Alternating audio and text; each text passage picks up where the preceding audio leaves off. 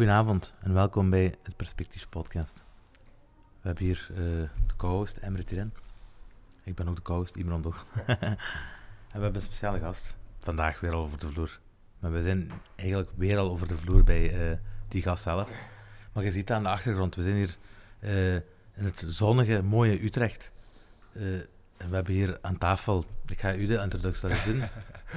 we zijn hier met op, op hoge niveaus bezig. dat is mijn specialiteit. Nee, we zijn, bij, we zijn te gast bij Site, Coach Site van SB Gym. Um, een gym waar heel veel legendes zijn gebroed, waar nog steeds legendes gebroed worden. Um, en allee, dat, is, dat, is, dat, staat vast, denk ik. Hè. Daar gaat niemand over twijfelen. We hebben het over namen als Badr Hari, we hebben het over namen als Germaine de Randami. Voor de mensen die het niet weten, dat is, zij was UFC-kampioene. Dus dat betekent dat ze wereldwijd op het hoogste niveau kampioen is geweest wat toch wel een serieuze verwezenlijking is. Um, je, je, je traint of je geeft les aan, aan Ilias Boulet, die zit in Bellator, als ik me niet vergis op dit moment. Ja. Typhon Özcan zit ondertussen bij One FC. Um, ehm, je hebt ook nog een aantal andere kampioenen bij One FC zitten. Um, Kun je misschien verder uh, opnoemen? Ja, we hebben zoveel. We hebben Ilias Senhashi, die is kampioen, uh, 61 kilo. We hebben Hamisha Glory, 77 kilo. Nou, we hebben Melvin Manhoef, we hebben uh, Bellator ook. Uh, ja, misschien de organisaties erbij. Voor ja, we hebben... Uh, ik, ben een, ik ben een casual yeah? vechtsportfan. Okay. Ik ben niet zo... Ik ben er niet... Hij zit er meer, hij zit er meer in, maar ik kijk wel bijvoorbeeld... Uh, ja, we hebben Murat Aygun, zit bij One. Ja. Ehm, ja. we hebben er zoveel. Ja. Dus, dat horen we graag, hè? Murat ja. Aygun, dat is, uh, dat is een Turkse naam. Serkan, we hebben Serkan die bij Glory zit, 85 kilo. Ja. De laatste bij Glory vocht. Dus we hebben een leuke groep. Ja, ja, nice. En meteen al mijn eerste vraag. Je hebt zowel MMA-vechters als kickboxers, hè? Uh, is het altijd zo geweest? Uh, nee, altijd kickboksen. Nou, op een gegeven moment dan, ja, dan doen de vechters beroep op je voor het staande stuk werk natuurlijk. En eigenlijk uh, ben ik er eigenlijk zo ingerold. Op een gegeven moment uh, ja, dan krijg je steeds meer uh, eh, MMA-jongens voor het staande stukje. En op een gegeven moment ja, heb ik er iemand eigenlijk bijgehaald die hier het grondstukje met die jongens kan doen. En we hebben ook een aantal jongens die gewoon ergens anders in de grond doen. Mm -hmm. En hier het staande stukje. En ja, zo past het puzzelstukje in elkaar. Ja, ja oké. Dus jij dus bent eigenlijk de striking coach dan? Ja. En je hebt ook een grappling coach? Ja, ja. Oké, nice. Ja. En het merendeel van uw vechters zijn MMA-vechters of kickboxers? Nee, kickboxers. kickboxers. kickboxers ja. Misschien voor de mensen die niet weten wat het verschil is, kunt jij misschien het verschil uitleggen tussen MMA en kickboksen? Ja, goed. Kickboksen is, uh, is voornamelijk uh, staand, trappen, knieën, uh, niet actief clinchen. Nou ja, MMA is staand, maar waarbij je dus ook op de grond door kunt gaan. Dus iemand kunt choken, ground and pound en iemand kan submitten. Ja.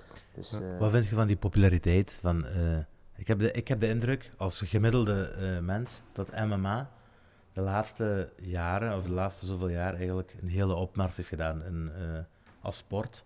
Wat vind jij ervan dat dat, dat die zo... Dat, of is dat misschien niet? Of was dat misschien altijd?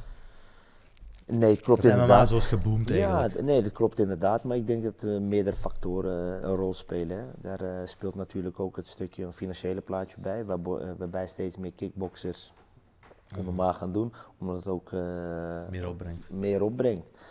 En, en vaak volgen we ook wel echt de trend, Amerikaanse trend. Iets wat heel erg trendy in Amerika is, waait vaak ook hierover.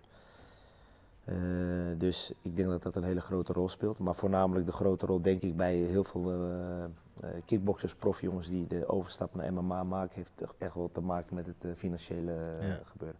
Merk je dat door die booming, dat er meer mensen zo langskomen om te zeggen van ik zou misschien wel willen beginnen met MMA of met...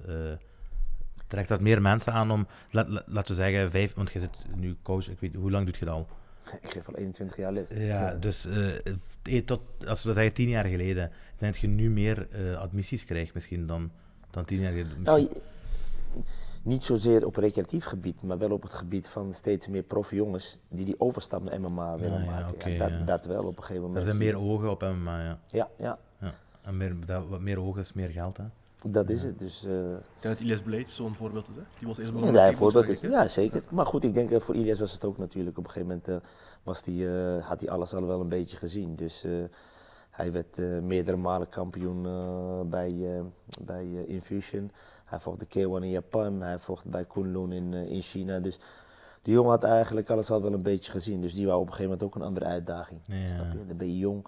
Eh, weet je, die jongen is nu, wat is hij? Hij is al eh, nu net 25. Ja, dan heb je alles al gezien. Ja. En dan op een gegeven moment eh, dan wil je een andere En hoe, ga, hoe gaat die? Is die overgang vlot meestal? Of is dat een moeilijke overgang van kickbox naar eh? Het is investeren, het is eh, wel investeren. Kijk, en hij wist al wat hij eh, wilde. En eh, ja, hij draaide nog steeds kickboxwedstrijden, maar was al bezig met zijn grondstukje. Dus ja, het is investeren. Het is niet eh, dat je op een of andere dag zegt, ik ga MMA doen en eh, ik stap wel eventjes eh, in die kooi. Zo Ja, werkt het nee. niet natuurlijk. Dat is makkelijk zijn. Ja, dat je? makkelijk Dus, zijn. ja. Zou, eh, zou, zou Badr Hari die, die overstap maken, denk je? Of spreek je daarover met hem? Heb, heb je zo'n conversaties gehad? Nee, maar ik denk ook niet. eh, ik zou niet weten waarom, maar Badr. Ik denk dat. eh, weet je, er valt nog heel veel te behalen. eh, nu nog, weet je. Ik bedoel, en ik denk, ja, weet je. Badr is 36. Als je nu nog eh, moet gaan investeren in, in je grondstukje. Ja, dit, ik denk niet dat dat. eh, Mogelijk is eh, niet dat het mogelijk is. Ik denk alleen, ehm, als je nu nog moet gaan starten met je grond, je bent 36 en, en je wil straks nog bij een organisatie MMA nog hoge ogen gooien of kampioen. Ja, dan praat je zo over eh 7, 8 jaar verder. Snap je? Ja, dat, eh, hoe realistisch zijn we, weet je. Kijk, hij is nu gewoon op zijn op zijn prime, eh, qua lichamelijk en alles. Dus ik denk eh, voor mij, mijn advies zelf zou zijn dat het houdt bij kickboksen. Ja, voor het geld gaat hij het sowieso niet doen. Nee. Hè? Ja, ik Dat- denk, dat dat, ik denk dat zijn naam ook zodanig gro- groot is in, Ja. in eh, kickbox dat dat eigenlijk eh, niet... Hij is de koning van kickboksen. Ja. Ja. Hari is de koning van kickboksen, sowieso. Eh, je hebt, we hebben net al gehad eh, over de vechters die je hebt getraind en zo. Zijn er, zijn er een bepaalde namen bijvoorbeeld die je zegt van... Had ik die maar bij mij in de gym kunnen hebben? Of had ik die maar kunnen getraind hebben? Nee, heb ik niet, man. Ik heb eigenlijk met, die, de- met, met de beste de aarde kunnen trainen. Ik heb met Habib getraind, ik heb met Kamaru Usman getraind. Wacht, ik wacht, heb, we gaan eh, er niet zo snel over hebben. Dus, We gaan, we, gaan even, we gaan even een beetje teruggaan. ja. Eh, dus je, zei, je, hebt met, dus je, hebt met, je hebt twee heel grote namen genoemd. dus je hebt met, met, eh, met Khabib heb je getraind samen? Ja. Heb je samen in- dus in de gym? Hoe, hoe, was, Ja. hoe was die... ja, Hoe is dat, hoe is dat zelfs... eh, hoe komt zoiets in... Hoe gaat zoiets in werking? Het is gemakkelijk gezegd, hè? Ik heb met Khabib getraind.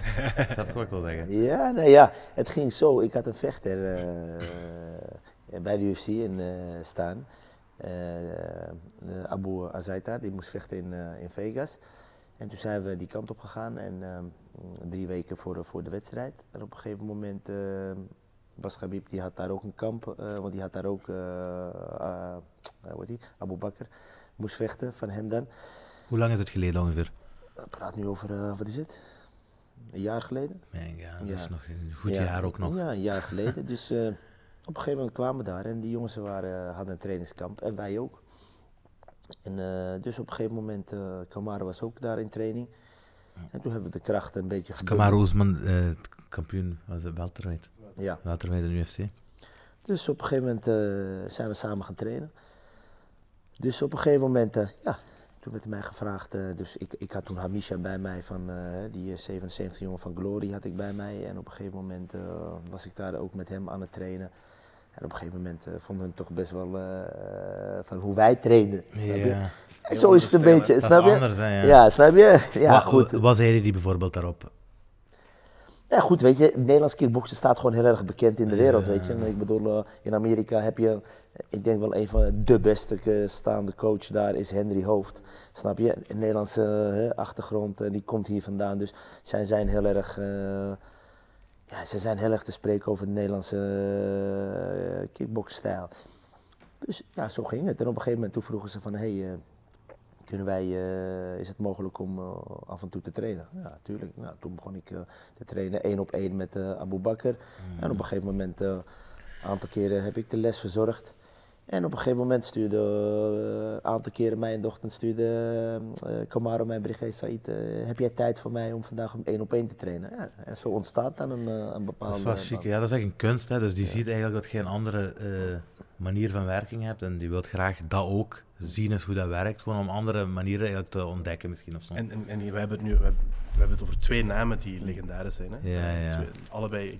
Denk Kamaru Oesman is al een heel lange tijd undefeated. Ik denk dat hij maar één lans heeft of zo. Dat weet ik niet, maar het is sowieso al een heel lange tijd undefeated. Dus allee, dat zijn twee mannen die op de top, die draaien op topniveau, de hoogste niveau van de wereld. En die zijn in de niveau ook nog het beste in hun gewichtsklasse. Ja. Zowel Khabib als Kamaru Oesman. En ik denk dat dat voor u als trainer zijnde, correct me if I'm wrong, dat dat ook wel een goed gevoel moet geven als, als die mensen naar u komen voor, voor consultatie of, of voor een Ja, training. hoe voelt dat op dat moment eigenlijk? Dat is ook zoiets. Hè? Ja, natuurlijk. Voor mij toch heel erg mooi. Weet je, kijk, eh, dat iemand eh, gebruik wil maken van je diensten. En eh, ja, weet je, kijken. Maar ook voor mij, eh, eh, dat die jongens op dat level eh, toch nog altijd willen blijven leren. Dat, dat vind ik heel erg mooi. Maar dat geldt ook eh, niet alleen voor, voor hem, maar dat geldt voor Badr ook. Weet je, het is toch heel erg prettig. Dit, dit soort jongens, of Melvin, Manouf, dat soort jongens. Ja, die hebben alles al bereikt wat er te bereiken valt. Snap je? Die lopen al zo lang mee. Hè? Ja, en het is toch altijd wel prettig eh, dat, dat, ja, dat je altijd met de jongens of meiden kan werken die willen blijven leren. Maar het gaat ook voor ons trainers. Innovatie is belangrijk, weet je. Je, kunnen opstellen als de leerling, dat is een van de belangrijkste dingen. Ook ik. Soms kom ik, zie ik bepaalde jongens, eh, eh, trainers die bepaalde eh, trainingen geven, of het nou worstelen is of wat dan ook. Ook ik kan daar weer dingen van leren. Je, kunt van iedereen leren. Al is het een tennisser bij wijze van spreken, die maakt bepaalde oefeningen die hij doet. Dus ik denk dat dat een hele belangrijke het, voor mij is als trainer. willen blijven leren, leren en jezelf opstellen als leerling. Durven opstellen als leerling. Over, over, over tennis gesproken, wat zou je zeggen eh, dat het onderscheid is bijvoorbeeld van al die professionele vechters die je hebt gezien, gezien ten opzichte van andere topatleten, bijvoorbeeld in andere sporten? Wat is het verschil tussen een, een topniveau vechter ten opzichte van topniveau voetballer of een topniveau tennisser of zo? Nou ja, we- ik kan alleen een beetje de vergelijking maken in de zin van top in het kickboksen of MMA of in het eh, of, eh, of eh, de net top jongens die in de prof komen. Kijk, wat ik wel merk in deze tijd is dat de generaties nu met social media en et cetera, ze worden net een beetje bekend en dan zie je dat ze er vaak al denken dat ze er al zijn. Maar die motivatie en die discipline kunnen behouden is een heel moeilijk iets. Als je kijkt bij die top, echt de topjongens die al eigenlijk al, eh, of nou een is of een Melvin of een Khabib, je ziet nog steeds dat ze die discipline wel hebben om te trainen. Altijd op tijd, al nog steeds die honger. Het is de truc, wanneer je straks bekend wordt, zo erg bekend en dat je zo eh, eh, een leuke boterham aan verdient, om nog steeds de discipline en de motivatie te kunnen behouden om, om, om daar te blijven. En dat is wat je vaak wel merkt, eh, denk ik ook, of het nou tennis of voetbal is. Wanneer die jongens zo bekend worden, ze gaan eh, bakken met geld verdienen. Ja, dan is trainen geen prioriteit, die motivatie en discipline. En dan zie je vaak ook dat het level dan naar beneden gaat. Weet je, kijk in voetbal, als je gaat kijken, zo'n Cristiano Ronaldo. Ja, die discipline is nog steeds Ja, Weet je, maar ja, ik, ik ken ook eh, genoeg voetballers die op een gegeven moment, ja, die komen, hier komen is niet het probleem, maar daar blijven. Dat is moeilijk. Hè? Dat is Ja. het, daar Dat is, blijven. eh, er is zo'n bekende atleet die dat zegt. zegt. Het is moeilijk om 's morgens op te staan en te Ja. gaan joggen als je in een zijde laken slaapt. Ja, Dat is moeilijk om dan op te staan. Ja, dat is het probleem met geld in sport, hè, of kan een probleem zijn. Dat is ego ook een beetje. Hè. ja, sowieso. Nu we het hierover hebben, doet je iets om uw vechters iets aan te brengen in, in die zin, in, in, in- in die topic? Nou ja, veel praten. Ik probeer natuurlijk, kijk, we hebben eh, aardig wat jongens die uit de jeugd komen, die nu op bepaalde platforms staan. En ik probeer toch wel altijd eh, een stukje mee te geven hoe ik erover denk. Weet je, want ik heb een hele weg bewandeld, dus ik weet welke obstakels er ook op die weg eh, zijn. Dus dat probeer ik wel. Maar goed, weet je, op een gegeven moment. ja, dan krijgen ze ook vrienden, vriendinnetjes en, en et cetera. Dus dan is het vaak wel heel moeilijk. En niet alle jongens zijn zo, maar het is vaak wel op een gegeven moment op het begin, eh, ja, dan luisteren ze wel. Alleen daarna hebben ze, hè, wanneer ze bekend worden, dan krijg je ook weer hè, mensen om je heen, Meer die komen als paddenstoelen uit de grond. ja. Ja, dan wordt het nog altijd wel een lastig verhaal. Ja, ja. ja, want ik heb het gevoel, of toch bij ons in België, en ik denk dat dat hier ook wel zo is als in Nederland, de gyms waarin ik altijd heb getraind, of in het algemeen gewoon de gyms die er zijn, hebben altijd ook wel zo'n dubbele functie als soort van jeugdhuis of, of, of iets, van, iets van plek om, om jongeren op te vangen. Heb ik altijd wel gemerkt om zo wat kwetsbaardere jongeren op te vangen. Ik weet niet of dat hier ook, zo, of dat hier ook een beetje het geval is. Nee, maar kijk, je probeert altijd die jongens, eh, je hebt ook een maatschappelijke eh, rol, vind ik. Dus ik probeer altijd die jongens eh, en meiden dingen gewoon mee te geven. Weet je, dat ze gewoon kampioen worden in hun leven. Het gaat, want niet iedereen wordt kampioen of kan er zijn brood mee gaan verdienen.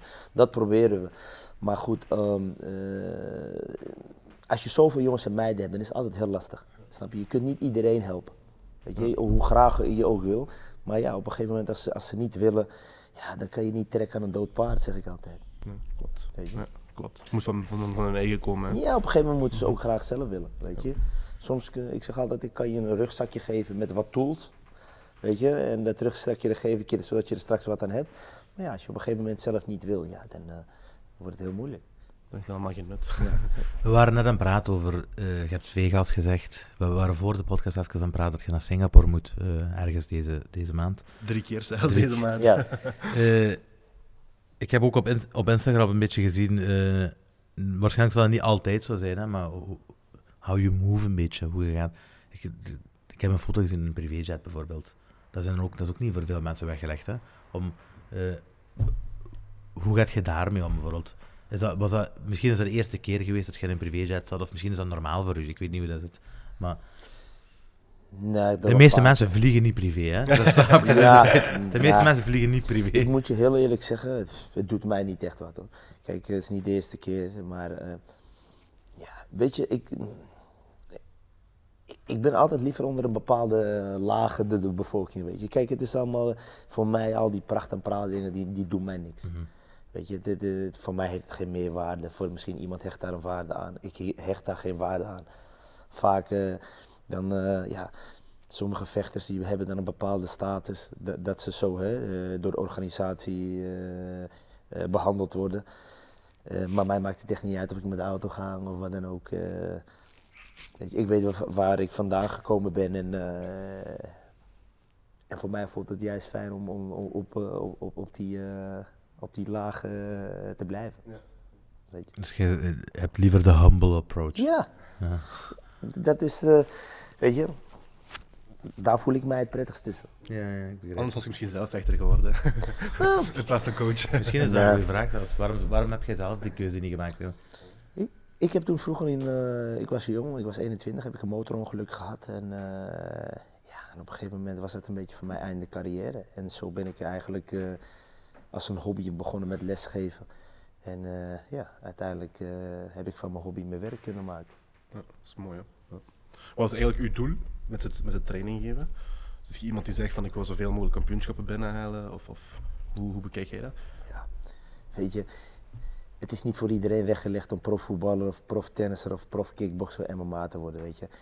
Uh, mijn doel is, uh, is, is, uh, is voornamelijk dat jongens en meiden gewoon, dat, het, dat zij gewoon hun doelen kunnen behalen en kampioen worden in, in hetgene wat ze, in, in hetgene wat, wat ze willen doen. Weet je, kampioen in hun leven. Of het nou een advocaat is, of weet ik veel, iemand een eigen bedrijfje opstart. Of, maakt mij niet uit, weet je. Het enige wat ik wil is iemand een tools meegeven, een rugzakje, een rugzakje dat je eigenlijk vult uh, waar ze wat aan hebben straks in het leven. Dat vind ik het allerbelangrijkste. Ik heb ook drie jonge kinderen en uh, ja, ik wil dat zij straks kunnen zeggen van weet je, dit zijn toch wel uh, handvaten die ik aan ze heb mee kunnen geven om, om, om straks hun doel te behalen. Ja. Wat het ook is, wat ze ook willen in het leven. Uh, weet ik veel, dan gaan ze ballet doen of uh, weet ik veel, uh, tekenaar of, of kunstenaar. Dan maakt mij niet Je handen uit ja. omhoog stikt en iets doet er. Ja, inderdaad. Weet je. En hoe, hoe kan ik die weg bewandelen? En welke obstakels kom ik tegen op die weg? En hoe kan ik die obstakels overwinnen? Want weet je, natuurlijk, voor de weg die is, uh, is niet makkelijk. En het is vallen opstaan. Je zult heel veel dingen uh, tegenkomen. Maar hoe ga je daarom? Weet je, zo gaan wij er in deze sport mee om. Maar ik denk juist dat het uh, een weerspiegeling in het leven is. -hmm. je, je, hebt nu net al vaker gezegd dat je mensen iets bijbrengt en dat, dat, u, dat je dat graag doet. Hè? Um, je hebt ook al heel veel mensen ontmoet. Je bent op veel verschillende plaatsen geweest. Wat is er wat jij van, van iemand hebt bijgeleerd wat u het meeste is bijgebleven? Joh, wat mij het meest bijgeleverd, je hebt zoveel mooie mensen op de wereld, snap je? Wij gaan altijd uit van wat we op tv zien en media, et cetera. Geloof me, geloof niet altijd wat je uh, ziet, weet je.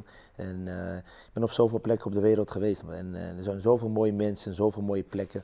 Dus ja, ga op onderzoek uit, weet je. Ervaar, ga op reis, probeer je grenzen te verleggen. dan kom je zoveel mooie dingen kom je tegen en, en biedt je weer heel veel perspectieven en andere ideeën. Ja, ja. En is er iets wat, wat u zo heel veel is meegebleven? Iets wat van je van, van, of, ja, van een plaats of van iemand, bijvoorbeeld, je hebt met Gabib getraind en, en met Kamaru Oesman en weet ik veel. Ik denk dat zo'n mensen ook wel vaak interessante dingen te delen hebben met u.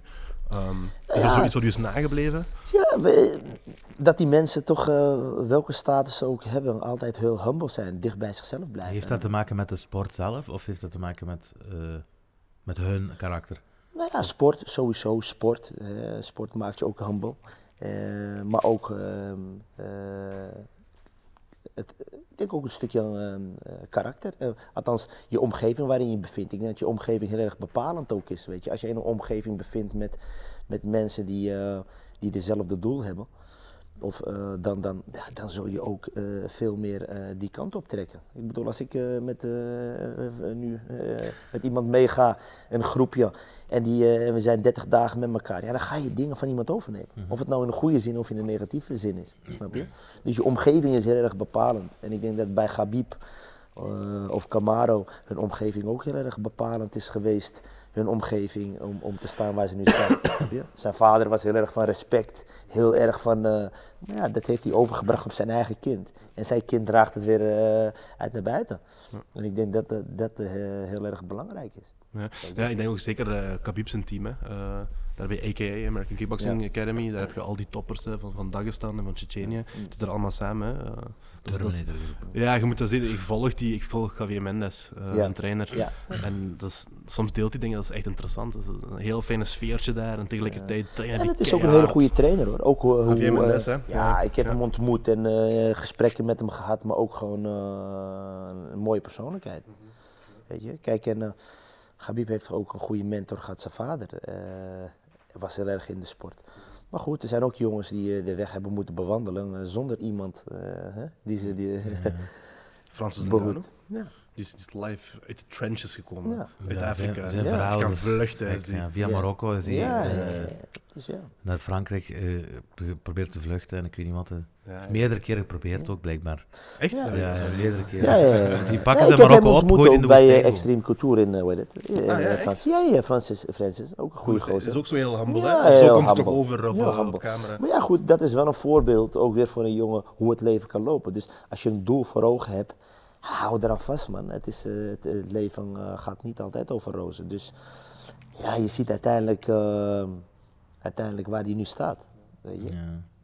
En uiteindelijk het gaat het gaat erom hoe graag je het wil. Hoe graag wil je het en hoe groot is die droom? Ja. Weet je? Ga je er mee naar bed en sta je ermee op, ja. ja dan, dan geloof ik ook echt wel dat je het waar kan maken. En tuurlijk, er zullen obstakels, er zullen tegenslagen zijn, snap je? Maar dat zijn wel dingen die, die je sterker maken. Ik denk dat dat de kwaliteiten zijn, van wat ik tot nu toe heb gehoord, ik denk dat dat de grootste kwaliteiten zijn van, uh, die, het, die, het, verschil uitmaakt tussen een, een 10 en een 9 of tussen een, een, een echte hoog, nou, hoog niveau. Nou, nou als, we, als, als, we gaan kijken, voornamelijk in, in, in, in uh, uh, het stukje vechtsport. Of nou MMA is of, of wat dan ook. Vaak zijn toch de kampioenen, de grote kampioenen, zijn toch vaak jongens en meiden die geen makkelijke jeugd hebben gehad. Die ja, echt van ver komen. Ja, dat is snap je? Mm -hmm. Dan heb je, dat zijn niet jongens en meiden die uh, met poppen hebben lopen spelen of wat dan ook, snap je? Die waren al op jonge leeftijd heel erg volwassen. Ja. Snap je? Dus die hebben al zoveel meegemaakt. Ja, en die hebben toch wel qua, ja, wat ik altijd iets dikkere huid. Ja, klopt. Sowieso. Ja, merk je dat verschil zelf als je, je zou dat wel merken tussen je verschillende leerlingen? Of tussen van... Ja, dat merk je ook wel. Hè. Ja. Kijk, uh, uitzonderingen daar gelaten. Hè. Ja, sowieso. Snap je? Merk je ja. toch wel vaak jongens die een hele grote verleden hebben. Ja, die kunnen toch veel hebben. Is vaak een her herkenbaar. Ja. Begrijp je? Weet je, uh... over, over uh, dus de, in, in, deze sport, er komt ook heel veel entertainment bij kijken. Daarom ook dat MMA bijvoorbeeld de laatste jaren een opmars heeft gemaakt. Ik denk dat mind games en van die spelletjes een beetje uh, ook veel komen meekijken daarin. Wat vind jij persoonlijk van die spelletjes? Bijvoorbeeld, ik zeg om een gevecht op te pompen, of, en dat is op hoog niveau meestal dan. Ik ben daar niet van. Ja. Snap je? Als een vechter dat wil, dan is het dat. Ik, ik kan alleen maar, ik zeg altijd, ik kan alleen maar eh, meegeven hoe ik erover denk. Mhm. Ik ben daar niet van. Ik vind altijd, doe, eh, doe normaal, dan doe je al gek genoeg. Snap je? En, eh, Wat zou je dan denken als, als ik bijvoorbeeld als, de- als ik devil's advocate zou zijn? Hmm. Eh, eh, het doel heiligt alle middelen. Dus als we zouden zeggen, we doen dit, ook al vinden we dit niet goed, maar het brengt wel meer ogen naar de sport, waardoor meer jeugd of waardoor... allee, waar, het eind- het eindelijke doel is dat er meer mensen worden geholpen, ook al wordt het eigenlijk op een slechte manier gedaan. Wat is uw gedachte daarom? Nou, maar ik sta daar niet achter. Kijk, als een vechter dat wil, dan is, draagt hij die verantwoordelijkheid. Ik kan je zeggen van, oké, hoe ik erover denk, ik, ik zal daar nooit aan meedoen. Waarom niet? Ik, ik vind ehm, eh, het goede voorbeeld geven, eh, vind ik belangrijker dan wat het mij ook opbrengt. Waarom? Mhm. Ik heb drie jonge kinderen. Het laatste wat ik wil is later dat mijn kinderen gaan zeggen, ja maar papa, jij doet het toch zelf ook. Ja. Snap je? Aan de ene kant ben je aan het opvoeden, en aan de andere kant ben je, Dat is je? een beetje zo. Je, de ene is aan het bouwen, de andere is het aan het neerhalen. Ja, Ja, ik, ik sta daar niet voor. En, en ik vind ook, ik, iedereen moet het ook echt zelf weten. Weet je. Alleen ik sta daar gewoon niet voor. Dit is wie ik ben en eh, hoe ik erover denk. En als iemand er anders over denkt, ook best. Mm. Maar ik zou niet, eh, nee man. Maar ik ben, daar kan geen geld of wat dan ook tegenop. Snap je? Eh, ik vind gewoon je nalatenschap, als je er straks niet meer bent, dat mensen altijd jou als motivatie kunnen zien van hé, dit is hoe, hoe ik ook zou willen zijn. Begrijp je? Je? Het is belangrijk, de generatie. We zitten al nu in een tijd waar eh, hoe extremer, eh, eh, van influencers tot rappers, tot wat dan ook, hoe, hoe, begrijp je? Dit is niet wie ik ben, man. Wij komen uit een tijd van hey, respect. en je had respect voor, voor iedereen, weet je. Ik bedoel, als ik met een groepje buiten was en de broer van iemand kwam langs, of de vader, ja, dan stond je gelijk rechtop. Ja, de chip pet Snap je? Ja, zo was dat. Snap je? En eh, weet je, ja. Ziet je ook al veel minder, hè, zo'n dingen. Ja, tegenwoordig. waar, ja. Ja, weet je, maar goed. eh, ik vind wel, eh, mensen zeggen altijd, ja, maar het is de, hoe heet het, eh, eh, ja, het is de tijd. Nee man, het is de mens die verandert man. De tijd is hetzelfde. Ja. Weet je, het zijn de mensen die eh, aan het veranderen zijn. En, eh, en eh, begrijp je, eh, ja weet je, eh, sommige mensen zijn bereid om alles te doen voor geld. eh, maar dit is niet eh, hoe ik daarin sta. man. Kijk, geld moet je in je broekzak hebben, niet in je hart. En we gaan nu steeds meer naar een tijd dat eh, geld in iemands hart zit. Ik denk dat dat misschien ook die Amerikaanse invloed is hoor. Omdat eh, kapitalisme is een van de Mm. eh, grootste drijfveren in, in de westerse wereld in het algemeen eigenlijk. En in Amerika nog feller. Want alles is daar eigenlijk volledig gebaseerd op kapitalisme. Ja, maar ja. Al heb je de wereld, man. Mm. Denk je dat je gelukkig, hebt, ben, gelukkig bent? Nee, nee, nee. Geluk zit in de kleinste dingen, Mm. snap je? En ik denk dat dat het stukje is belangrijk wat we mee moeten geven. Weet je? Dat, eh, dat het niet zit in eh, welke eh, status je hebt, of welke opleiding of wat je beheert. Het is ook nooit genoeg. Nee, denk ik, het is hè. nooit Het is een genoeg. constante chase eigenlijk. Het Ja. is een constante achtervolging.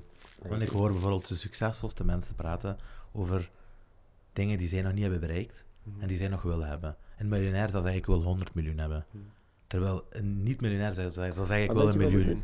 Omdat ze de kwaliteit van leven niet kennen. Ja. Ze kennen de kwaliteit van leven niet. Want weet je waarom?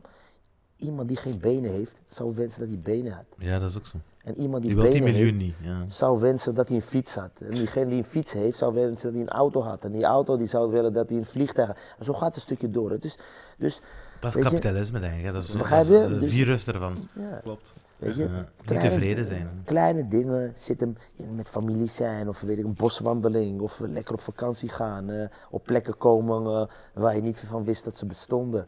Eh, weet je, eh, andere mensen leren kennen, eh, begrijp je? Da- daar zit geluk hem in, weet je. Geluk zit hem niet in, in materialisme. Nee, klopt. En, en, en die reizen die je al allemaal hebt gedaan, hè, welke plaats eh, zeg je, daar wil ik eh, zeker op die, opnieuw naartoe gaan? Je hebt China gezegd, bijvoorbeeld. China lijkt me heel interessant. Je- Ah, China ben ik 24 keer geweest. China is 24 top. keer, Ja, je? Japan. Japan vind ik heel erg leuk. Maar er zijn meerdere landen, je weet het. eh, Vietnam vind ik leuk. eh, eh, Maar daarom dat je ook zegt, eh, ik raad de mensen aan om de wereld een beetje te Ja. zien. Hè, omdat jij, je, zit, je hebt een goede tour gemaakt en je kunt vanuit ervaring spreken dat het de waarheid is. En dat het ook belangrijk is om, om, om op te noemen dat de wereld niet Amerika is.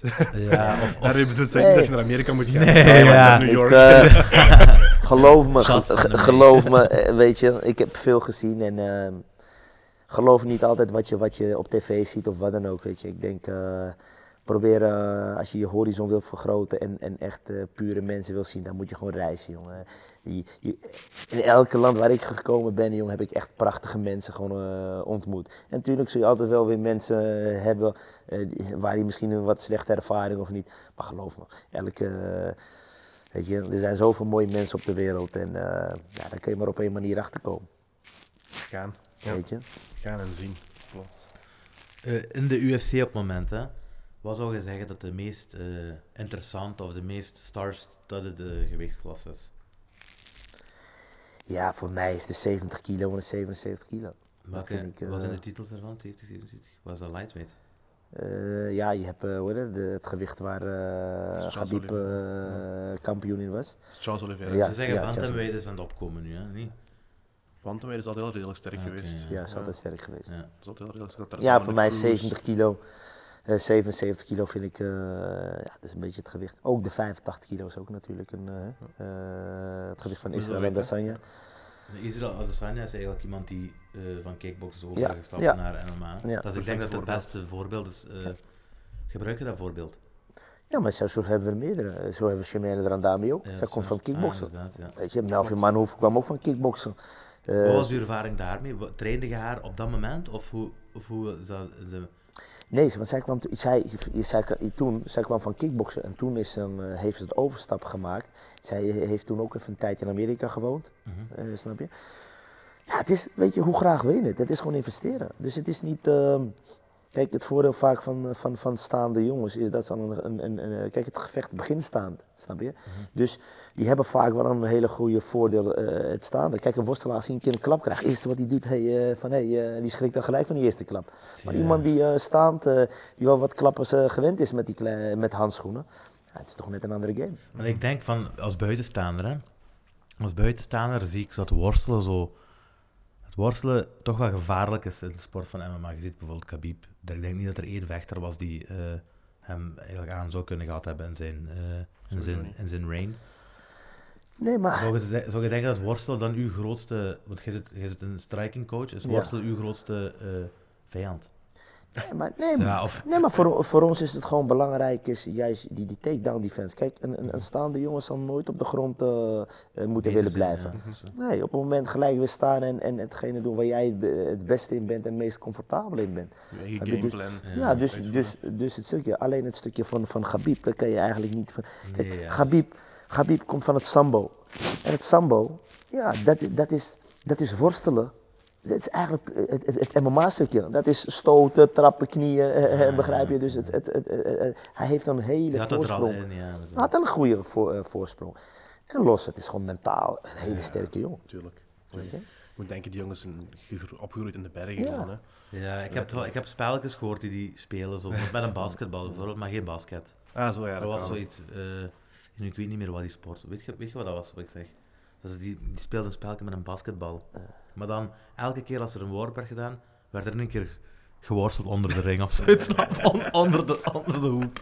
Het is gelijk bij vroeger dingen, dat is zo negen maanden. Ja, Als zo, je dan verliest, dat je. klappen krijgt van ja, iedereen. gegooid en dan in één keer klaarstaan. snap je? Ja, wij, wij hadden altijd voetballen. Als je dan gepoord werd, dan kreeg je dus een low kick. Ah, Dus dan mocht iedereen je trappen. Ja, ja, ja. Ja, Als we spelen zo'n spelletje met voetbal zo. ook, dan moest de keeper in de goal gaan. Als de keeper een goal binnenkreeg, dan ging iedereen die achterna tot hij de paal aantikte. Ah. Dat is de pa, en eigenlijk mag je doen wat je wou. Gewoon, Dat gewoon low kicks, ellebogen tegen, Ah, daar wat oké. je wilt. was geen fijn moment voor de dikkertjes onder ons toen. Stel, wat zou je doen, Said, als, als hij nu naar je toe komt en hij zegt, Said, ik wil, ik wil MMA-vechter worden. Ik wil in de UFC geraken. ik heb- Wat zou je zeggen tegen je? Ik heb, Imran? ik heb mezelf altijd wel gezien als eh, een pro- jonge prospectie. eh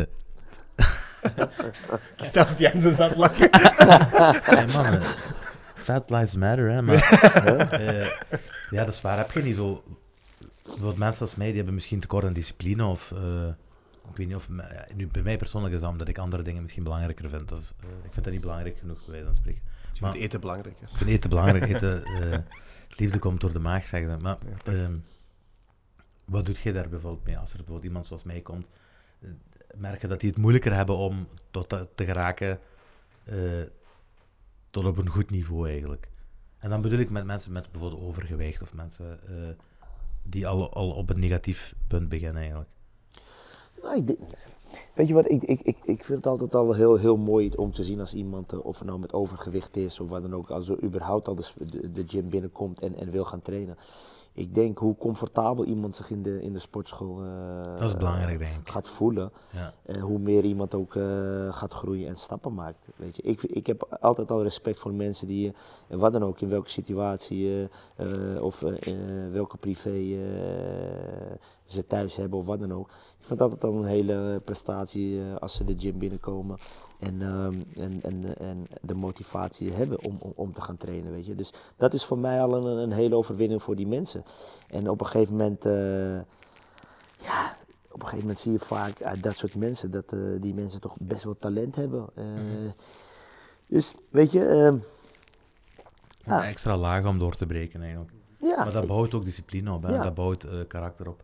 ik heb wel eens jongens gehad hoor, of meiden eh, die uiteindelijk eh, prof zijn geworden, eh, waarbij die hier recreatief binnenkomen, eh, kwamen met overgewicht, waarvan je in de eerste instantie misschien zou zeggen van, dit wordt het niet, Ja. weet je. Maar uiteindelijk gewoon een prof zijn geworden. Dus alles is mogelijk. Mhm. ja, dat is ook... Wat was, was zo het, het gekste wat je al hebt meegemaakt, laten we zeggen? In welke zin? Dat er zoiets heel onverwachts is gebeurd. Bijvoorbeeld, dat, dat, zoals gezegd, dat is een voorbeeld. Dat er iemand binnenkomt dat je denkt van ja, dat gaat hem nooit worden. Ik zeg paar maar, dat ik maanden wil nu in de later ring opeens, stap, en dat ik in de ring stap en volgende maand ben ik vertrokken. Bijvoorbeeld zoiets. Oeh, moeilijk. Want je hebt 20 jaar ervaring, hè? Je zit al het een en veel- ander Ik meegemaakt. heb hè. veel meegemaakt, denk ik. Ja. Ja, kijk, eh, ik, het- wat een leuke, hoe heet het is, dat is, dat is een jongen die bij ons bij Glory vecht 77, hè, die nu voor de Hamisha. Ah ja. Ja. Hamisha, nou, dat is wel een, een, een leuke eh, misschien. Eh, Hamisha die eh, begon bij, uit de jeugd en die heeft toen een eh 1C-partij gedraaid, hè? dus een C-partij. Wat is dat, een C-partij? Een? C-partij is eh, hier in Nederland dus geen prof, hè? Je hebt eerst de nieuweling, Ja. Dan heb je C, ja. B-klasse en dan pas heb je de A. Oké, ja, dus, dus na de nieuwelingen komt de C-partij. Komt de C. Ja. Dus, eh, nou ja, goed, in die periode hadden we, hadden we een jongen staan in, eh, in, eh, in Engeland. Die moest een profpartij draaien. En toen was er een, een jongen die had daar de hoofdpartij. eh, een hele bekende vechter, die had daar een hoofdpartij tegen een jongen uit Engeland. En die, eh, die, eh, die Engelse gozer die had iets van 40 VIP-tafels verkocht hè, in Engeland. Hè. Dat was ook de, de, de hoofdpartij.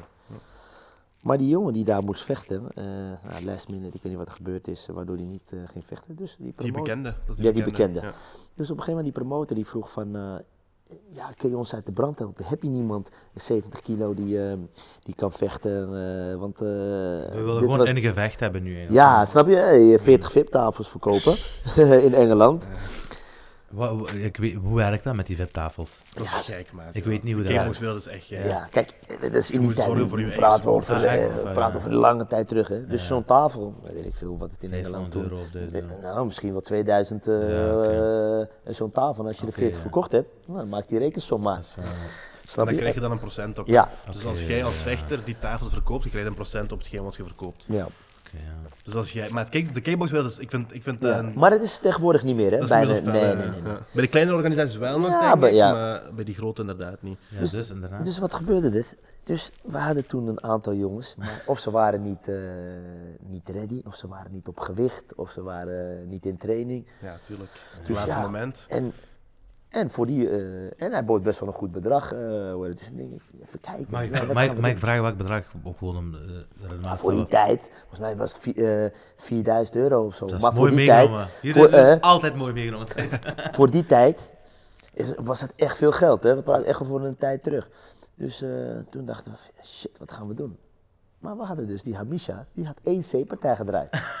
Snap Je wilt hem op de main event zetten. Dus, dus, eh, dus eh, ja, toen, eh, toen zei de, de dus ik, eh, ik, ik bel hem op, ik zeg, luister, wil je vechten? Je kunt vechten in, in Engeland, een, een, een partij, en dit is wat die partij jou opbrengt, snap je? Maar, wat zeiden we tegen hem? Het is geen profpartij, hè? We zeiden, ah, het is een B-partij, die jongen stelt toch niks voor. snap je? Dus, en toen zeiden we van, je kan dit bedrag kun je krijgen. Hij denkt, oké. Dus die jongen die was net, die was, die was net eh, hij volgde een Arabische les, hè, volgde die in het weekend. Dus is hij weggegaan bij die Arabische les, gelijk op het vliegtuig, gelijk naar Engeland. Oké. Dus kwam hij daaraan. Op een gegeven moment, eh, nou ja, gingen ze vragen van oké, hoeveel partijen. eh, dus zeiden ze tegen hem van hoeveel partijen heb je gedraaid? Toen zegt hij met jeugd of zonder jeugd? We- we- dus oké. Nou goed, dus op een gegeven moment, eh, nou, dag van de wedstrijd. Dus wij zeggen tegen hem, ah, die jongen stelt toch niks voor je. Die jongen is, is, eh, wat denk je, hij kan helemaal niks. Jongen 40 partijen gedraaid, tegen toppartijen gedraaid. Dus eh, op een gegeven moment kwam die jongen op. Die jongen kwam met allemaal belts en dingen. Hij denkt, oh, wat is dit man?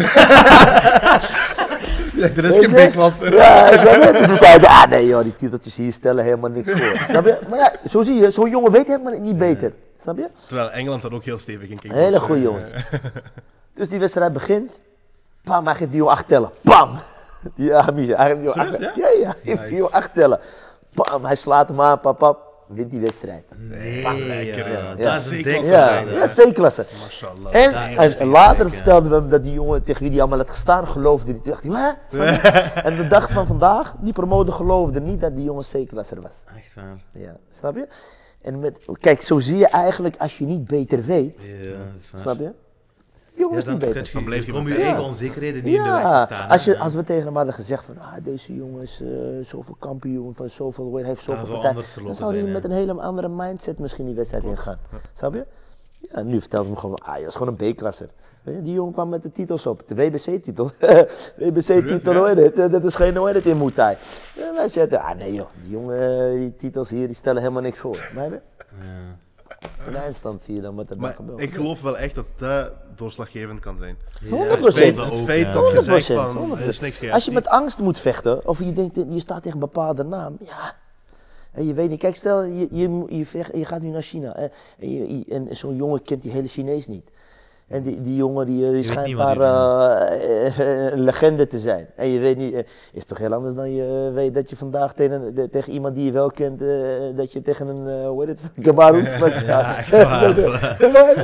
Dat is, eh, ja, Dat is heel anders. dat werd heel iets anders. Hé, maar Said, was in, was in Germaine de Randamie haar plannen nog eigenlijk? Die, die staat al ondertussen een jaartje of twee stil, denk ik. Hè? Ja, nou ja, weet je, kijk, eh, ze heeft ook nog toekomstplannen hè, om eh, een gezin te stichten. Dat is het één. En ten tweede, het, eh, het verhaal is ook, eh, kijk, zij, ja, kijk als, zij wou ook kinderen, dus op een gegeven moment wou, wou ze niet vaccineren. Dus ja, en ehm, dan weet je dat je Amerika gewoon niet binnenkomt. En eh, ja, kijk, en aan de andere kant eh, ja, sta ik gewoon achter haar eh, beslissing, eh, wat dan ook, weet je. Kijk, ik bedoel, als jij eh, het een risico is en, en, en je wil nog een gezin stichten, ja. Weet je, ik vind, eh, kijk, wat het allerbelangrijkste is, is, eh, is dat je vooral eh, doet waar jij je goed bij voelt. En dat vind ik het allerbelangrijkste. Kijk, ik sta altijd achter mijn vechters, welke beslissing ze ook maken. Weet je, als iemand nou stopt of een. Of, of, Het is hard genoeg andere- dat leven, dus je- Weet je, en je weet ook, snap je? eh, wanneer je eh, succesvol bent, dan heb je heel veel vrienden. En wanneer het straks wat minder gaat, dan, eh, dan zijn ze zo weer, zo weer weg. Dus ik denk dat het allerbelangrijkste dat je voornamelijk doet eh, waar je je prettig bij voelt. En, en vooral keuzes maken omdat jij daarachter staat en niet dat je keuzes maakt omdat anderen je daarin beïnvloeden of, of daar zo over denken, weet je. Ik zeg altijd, je kan toch niet iedereen tevreden eh, houden. En mensen hebben altijd wel een mening of een oordeel of wat dan ook. Weet je. En, eh, als je iedereen wil plezieren, ja, dan moet je bij het Rode Kruis gaan werken. Dan, eh, dan doe je alleen maar goede dingen. Ja, Dus, klopt. Ja, klopt. En wat ik me ook wel afvraag, Badr Hari, hoe is hij bij jou terechtgekomen? Want hij heeft eigenlijk een heel lange verleden met Mike, bij, bij, bij Mike's Gym, of Golden Glory is zeker, hè, Mike's Gym. Ehm, hoe, hoe is dat juist gebeurd dat hij bij u terecht is gekomen? Kijk, ik ken, ik ken Badr al als jonge jongen, weet je, toen hij 14 Ah, je was. kent die al lang, ja. We, hebben samen getraind eh, vroeger. Eh, het was, toen hij jong was, was het dan een talentvolle jongen. Wat ik al zei, op een gegeven moment eh, later, die sportschool die is toen uit elkaar gegaan. Ja goed, Badr is toen naar Tom Haring gegaan. Mhm. Voor, eh, en ik ben, eh, ik ben toen eh, ergens anders naartoe gegaan. Toen heb ik een motorongeluk gehad en toen ben ik gewoon gestopt. Ah, dus je hebt nog samen getraind met Badrari? Ja, ja we hebben samen Ah, oké. dus Ja, allebei ja. als vechter zijn. eh. Ja, ja, toen was hij oké, 14, ik was toen 19. Ja, ja. En op een gegeven moment ja, is iedereen zijn weg gegaan. En op een gegeven moment, ja, zo ben je de 20 of 21 jaar later kruisen de paden elkaar, weet je. En hij als vechter en, en ik als trainer. Mooi wel, hè? Dus ja, zodoende. Dus je zit eigenlijk een jaar na je accident beginnen met, eh, op 20 jaar dat je dan beginnen met training. Ik ben, toen ben ik recreatief les gaan geven. Toen gaf ik les in een gymzaaltje. Ja, ja. En zo ben ik eigenlijk begonnen. Opgebouwd, hè. Ja. Er is een vechter, nu dat is wel boksen, dat is geen kickbox. Er is een vechter van bij ons in de buurt, die is Europees kampioen. Ik weet niet hoe die titels bij boksen allemaal in elkaar zitten. Of wie heb je? Eh, Francesco Patera. Kent je die? Nee, Zegt je zeg naam eens? Nee. Ja, dat is misschien iets anders. Welke zijn jonge vechters die jij ziet van over een aantal jaar, of die zie ik wel, een, dat, daar zie ik zeker wel iets van komen. Als die de discipline en zo denk dat natuurlijk. Tahiri is al een, is al een goede naam, denk ik. Ik vind het altijd, ik, ik vind het moeilijk om te zeggen, snap je? Eh, kijk, eh, wat, wat heel erg gevaarlijk is, ook, ook eh, die dame die je nu noemt, dat kan je niet zeggen. Ik heb hier heel veel eh, jeugdjongens eh, rondlopen. Als je ze zou zien, dan denk je, "Wauw, dit is niet, gewoon niet normaal. Deze jongens, dat kan je niet zeggen, de beloop. Kijk, het eerste wat nog moet gaan blijken voor die dame, en eh, voor meerdere jongens ook bij mij, hè, is, ehm, ze vecht nu met scheenbeschermers, met een hoofdkap en et cetera. Dus die hardheid, of ze die ook echt daadwerkelijk heeft, eh, en mentaal, dat moet nog straks gaan blijken wanneer het echt voor het echi gaat worden. Want het is nu niet voor het echi, het is nu gewoon jeugd. Hè. Ze heeft een hoofdkap, ze mogen niet naar het hoofd. Ja. Straks gaan die scheenbeschermers eraf, dan gaat die hoofdkap eraf. Komt er een heel nieuwe... Dan wordt het een heel ander iets. En ik heb jongens gehad en meiden, op, toen dat eh, gebeurde, toen zag je gewoon dat ze niet uit het juiste hout gesneden werden. Dat is bij mij zo, denk ik. Snap je? Sommige mensen hebben dat gewoon, denk ik. hè. Snap je? Als je mij nu een dat trap gaat laten geven, bijvoorbeeld, we lachen erover van vroeger. We hadden vroeger zo'n bokzak. We hadden vroeger een bokzak, en we zaten op kot in Leuven samen. We hadden een bokzak in de kelder. Ik kan gewoon letterlijk niet tegen een bokzak trappen. Weet je wat ik wil zeggen? Ik weet heel goed wat je wilt zeggen. Dus ik geloof ook dat je, dat, dat iets is wat je... eh, nu, ik denk wel, gooi me een maand hier en ik zal na de een maand wat beter presteren dan de eerste. Ja. Maar ik geloof wel dat, zoals gezegd, eh moet echt uit een bepaald soort hout eh, gesneden zijn. Of, En dat, en, dat is, en, dat is, en dat is het. Dus je, het is altijd heel vroeg om te roepen dat iemand jeugd, je hebt het over jongens en meiden van 11, 12, dat kan je niet zeggen. Dat kan je gewoon niet zeggen. Het moet nog straks gaan blijken. Vooral in de, in de MMA of kickboxsport. Joh, Je moet toch een hoge pijngrens hebben. Je moet mentaal zo sterk dat is zijn. Dus- savagery. Dat is echt savagery. Kijk maar, je hebt bepaalde jongens, bij jullie, of in ieder geval in, in België heb je een aantal ook goede jongens, talenten, sterke jongens, waarbij je echt zegt, dat zijn echt een, ex, een, is een, echt een, eh, een exemplaar om te zeggen van uit het juiste hout gesneden en een harde jongen, zo'n jongen als Marat Gregorian. Ja. Keiharde jongen. Armeens. Ja, keiharde jongen gewoon. Zo zie je gewoon. Is, eh, pijngrens, harde jongen, een harde werker. Ja, dat soort jongens, dat zijn wel vaak de jongens. eh, ja, weet je, dat, die jongen, ik weet nog, eh, toen hij nog eh, jong was, ja, daar zag je al gelijk op een gegeven moment, toen hij van die scheenbeschermers eraf ging, toen zag je al gelijk van, oké, dit deze jongen gaat er komen. En daar moet het ook blijken. Maar ik heb ook veel jongens en meiden gehad eh, toen die scheenbeschermers en de hoofdkap eraf ging. en toen, eh, hè, toen ze echt... eh, Reality hits. Ja, echt klap op de hoofd kregen en hoe heet het. Ja, ging hem gewoon niet worden. Dat is zoals Mike Tyson zegt, hè? Everybody has a plan until they get Ja, maar zo is het. Zo is het. maar dat is ook een van de redenen waarom ik eh, nooit wedstrijden heb gedaan. Hè? Ik wou gewoon geen rammel krijgen. Ja. Je mag zo goed zijn als je wilt, je gaat rammel krijgen. Ja, dat is En ik wou dat gewoon niet. ik ben te knap ervoor. Ja. dat was een te groot risico. Dat is waar. Er is een, er is een, er is een, een MMA-vechter, eh, ook van bij ons in de buurt. Ik weet niet of je... eh dat is een moeilijke achternaam, man. Maar we gaan ervoor. Wie is dat? Eh, Arthur, eh Arthur Xepaniak. Die van Genk. Pools, ja. Heb je daarop gehoord? Nee, zeg maar niet. Nu, in Nederland heb je zo'n grote markt, ik. Ja, België is niks te vergelijken met nee, Nederland. Nederland is zo'n grote markt. Ik denk dat je zoveel talent hebt je rondlopen. Ik denk, als je iemand zou kennen van bij ons, zou dat misschien Gökhan Sarajam zijn. Die zit... eh hij is zo naar Gökhan Sarajam trouwens. Gökhan. Ik heb met die getraind. Ik Ja, we zijn al- gevraagd. We, kunnen, we zijn aan wachten. Ja. We zijn aan wachten. Ehm, nee, maar hij zit in de heavyweight divisie van eh, Bellator. Eh, ja, ja, ja, ja. Ja, die ken ik. Ja, die ken ik. Die heb ik laatst ontmoet eh, in, in, eh, in Dublin. Hij moest zat bij mij in de kleedkamer met, hoe het? Hele lieve jongen. Ja, die is hele echt gouden keihard. gozer. Ja, ja, ja. Ja, ja, ja, die ken ik. Ja. ja, een hele goede gozer. Ja, nee, die moest vechten in, eh, in Dublin. Eh, we zaten bij elkaar in de kleedkamer. Want hij traint ook in Vlaardingen bij Team Ja, Musashi. klopt. Ja, ja, ja. Ja, ja. dat is een goede gozer. Dat is een goede gozer. Dat is eh, zeker een, een jongen voor de toekomst. Ja, ja, zeker, 100%. Ja, ik heb met hem gebokst, Engels boksen. En tot op de dag van vandaag is hij nog altijd de persoon waarvan ik zei van een bokser als hij nog nooit gezien. Op dat gewicht, met die lengte, die voetenwerk en die snelheid, dat heb ik nog nooit gezien. Live, hè? dat heb ik nog nooit Nee. live gezien. Dat zeg ik nog altijd. Wat is, wat is het traject wat hij, gaat, wat hij zou kunnen afleggen volgens u? Dus nu zit hij in Bellator. Eh, Die zit al in de top 10 Ja. van Bellator. Hè? ja, Het traject is al, is is al al volop af. gaande. Ja, is gaande. Ja, het traject is volop gaande. Als hij zo verder doet en als hij Ja, een weet paar je wat het- pakt... Kijk, dan- weet, dan weet, je het- wat ik denk? Het- ik, Bellator is een hele mooie podium gewoon voor hoe het- als zijn einddoel straks eh, de UFC is.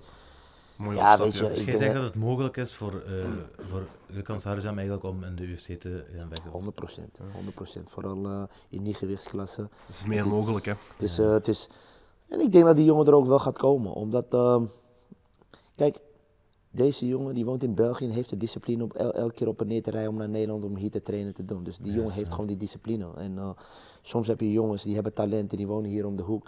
En die hebben die discipline niet om gewoon drie keer in de week aanwezig te zijn in de gym. En deze jongen is gewoon bereid eh, om daarvoor te reizen. Dus ja, ik zie deze jongen echt wel komen. Hij heeft een goede mindset en... eh, Een Weet blok je, van een vent is dat. Weet je, maar het is gewoon hard werken en, eh, en ik eh, geloof 100% zeker dat deze jongen er wel gaat komen. Mhm. Dat is Maar ik denk- horen. Ja. toch trots. Dat is- het brengt trots aan. Is- brengt trots omdat dat van de buurt is. Sowieso, ja, sowieso. En ik zeg, ik, kan hem, ik heb hem ook echt graag. Ja. Ik, heb, ik heb met hem getraind en zo, ik heb hem heel graag. Ja. Maar ook vroeger was dat ook al zo. Hè. Ehm, die woonde in Heusden, die ging met de fiets. Dus toen hij 16, ik, ik was toen 12, 13 jaar, dus ik denk dat hij 16, 17 was.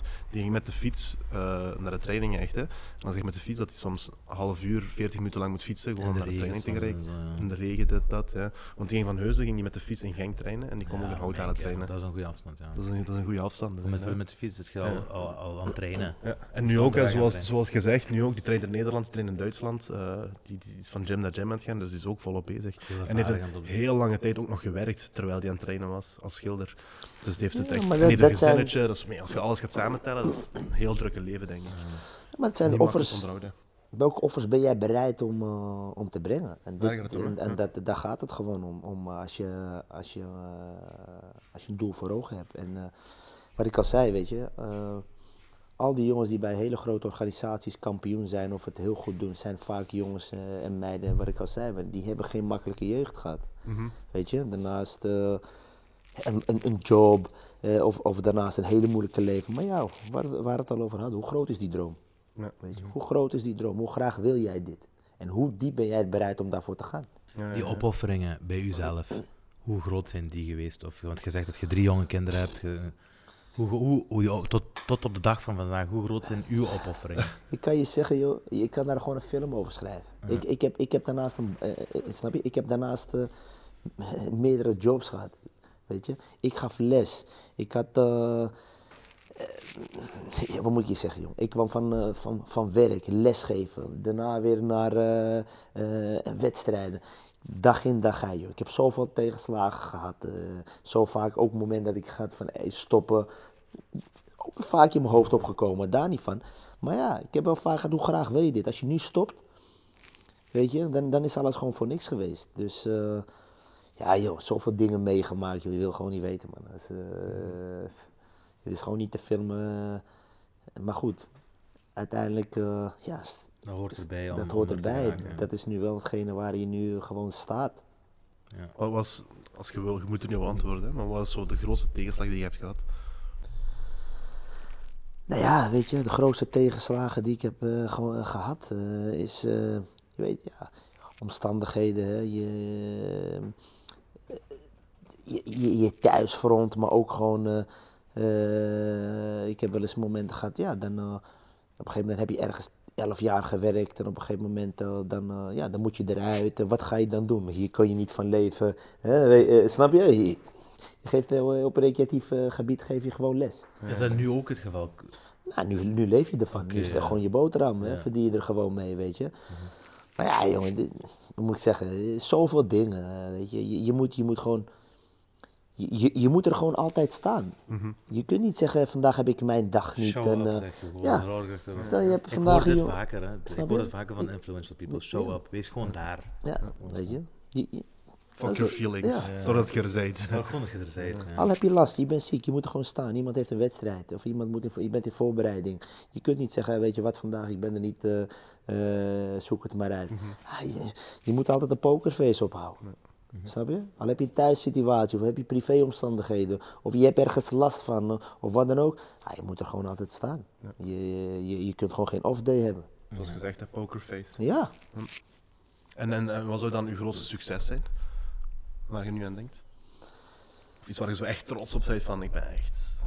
Kijk, weet je, eigenlijk heb ik heb alles al me- mee mogen maken eh, wat ik mee eh, heb mee mogen maken, snap je? Kijk, je hebt een aantal atleten waar je nog gewoon echt kampioen mee wil worden, weet je. Kijk, voor mij zou het echt mooi zijn, eh, wat ik echt nog een doel gewoon is, weet je. Ik zou het echt mooi vinden om, om bijvoorbeeld met, met, met Badr kampioen te worden. Maar goed, eh, weet je, ik ben al kampioen eh, bij verschillende organisaties met die jongen die bij mij bij de, in de jeugd begonnen is met Ilias Senahashi. Die is vijfvoudig kampioen in Fusion, drievoudig One Championship kampioen, eh, kampioen Blade Japan. En dat wil ik graag nog met sowieso met, met Hamisha, omdat het ook een jongen is uit de jeugd. En met Boleid, weet je, het is ook een jongen, heel traject. Dus en eh, ja, en, en misschien nog Shemane. Zij heeft eh, van Peña gewonnen en Peña is nu de UFC-kampioen. Ja, Ja, heeft, nog heeft, heeft, echt heeft zij van Penja gewonnen gehad. begin. Ja. dus, dus dat tegen- zijn... eh, dat, Ja, Germain ook tegen Amanda Nunes had verloren, toch? hè? ja, ja. De Ja, laatste gevecht ook, was dat? Nee, de laatste partij van, eh van Shemane was tegen eh Peña. Die, eh, Ah, die zat gewoon ja, tegen Ah, Peña, echt ervan. ja. Dat is wel Ja. dat is een interessante storyline. hè, Maar ja. Juliana Ja. Peña heeft zelf ook al gezegd dat ze graag tegen Ja. zou willen vechten. Du- Dus, dus- eh, GDR. dus- Dus, ja. dat lijkt me inderdaad interessant.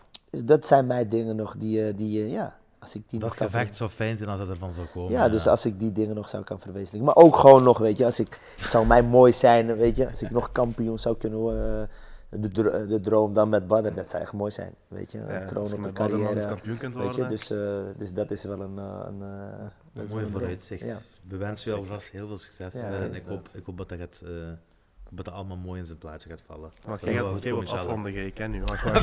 Wacht, wacht, ik ken u, joh. ik kon nog één vraag erdoor gooien.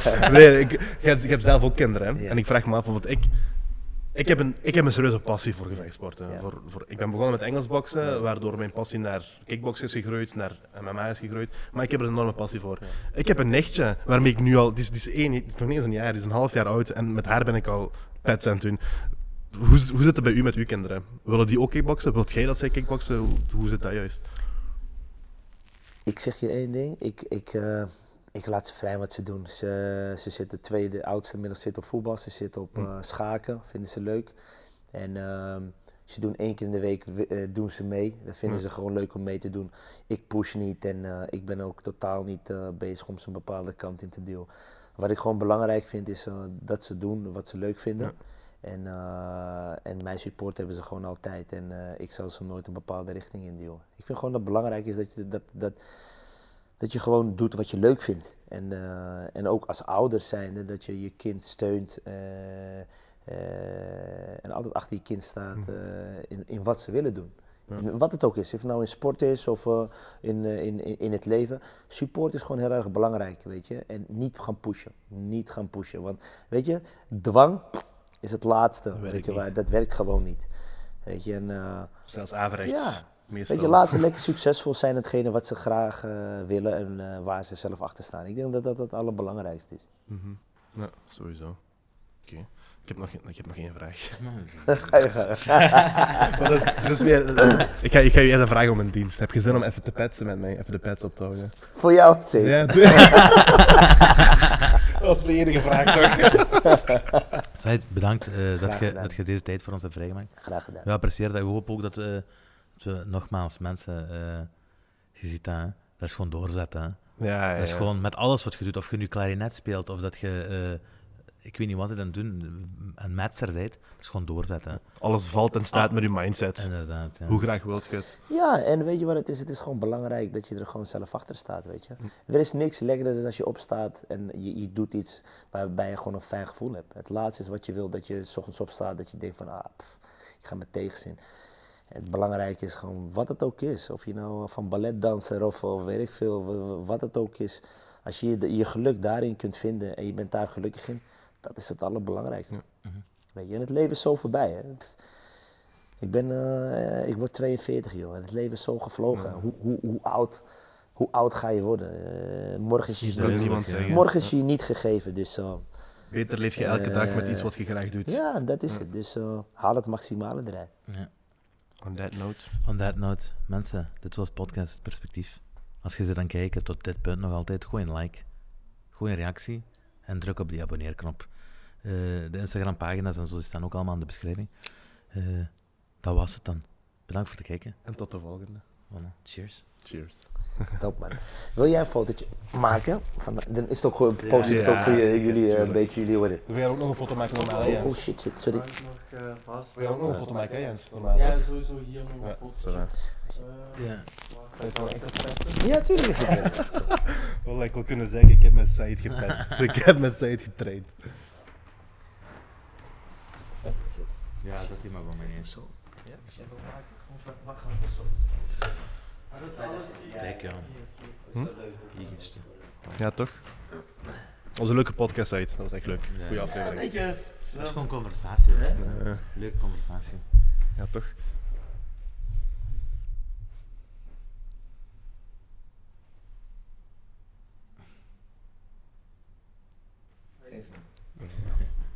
Waar wilt je uwen? Ehm, ik denk dat ik die hier ga maken. Ja. Ça va. Box aan ja. De box moet. Ja, ça va. Gaan we dan snel Ja. voor, de, voor de thumbnail? Dat we een foto hebben voor de video zelf.